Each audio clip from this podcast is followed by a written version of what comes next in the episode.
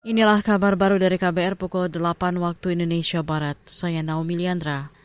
Saudara Detasemen Khusus atau Densus 88 Anti Teror Mabes Polri menangkap terduga teroris di Sukoharjo, Jawa Tengah. Densus juga menggeledah rumah warga di dua lokasi berbeda pada Kamis petang. Pemilik rumah kontrakan Desa Gentan, Joko Mulyono, mengatakan penangkapan AG terjadi sekitar pukul 14 waktu Indonesia Barat. Polisi saat, saat menggeledah rumah kontrakan membawa sejumlah barang bukti berupa laptop, handphone, dan kotak amal. Joko tidak tahu pasti AG terlibat dalam jaringan apa. Kementerian Pendayagunaan Aparatur Negara dan Reformasi Birokrasi PAN-RB menyiapkan 16.000 aparatur sipil negara yang akan ditempatkan di Ibu Kota Nusantara IKN. Dikutip dari Antara, Menpan RB Abdullah Azwar Anas menjelaskan khusus untuk IKN pemerintah punya persiapan secara khusus.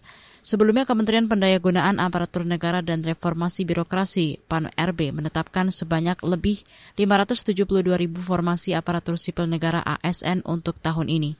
Dari jumlah itu sebanyak hampir 500 ribu untuk pegawai di pemerintah daerah.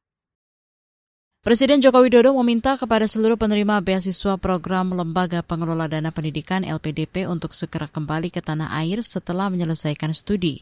Pesan itu disampaikan Jokowi di hadapan penerima beasiswa yang hadir di acara puncak LPDP 2023 kemarin. Setelah selesai studi, berkaryalah. Ilmunya jangan diendapkan untuk diri sendiri. Dan yang paling penting, saya titip ulang. Ulang pulang. Meskipun gaji di sini mungkin lebih rendah sedikit, tetap pulang. Presiden Jokowi juga meminta penerima beasiswa LPDP untuk tetap berkarya dalam negeri, meskipun gaji dan fasilitas yang didapat lebih kecil ketimbang di luar negeri. Jokowi mengatakan Indonesia membutuhkan anak-anak muda yang punya visi lebih baik ke depan untuk membangun Indonesia. Kita ke berita luar negeri.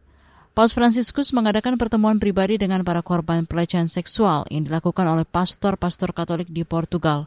Vatican News melaporkan pertemuan dengan 13 korban pelecehan itu berlangsung dalam suasana saling mendengarkan yang intensif. Pada Februari 2023, Komisi Independen untuk Studi Pelecehan Seksual Anak di Gereja Katolik di Portugal merilis laporan akhir yang mengesahkan kesaksian kasus pelecehan antara tahun 1950 dan 2022.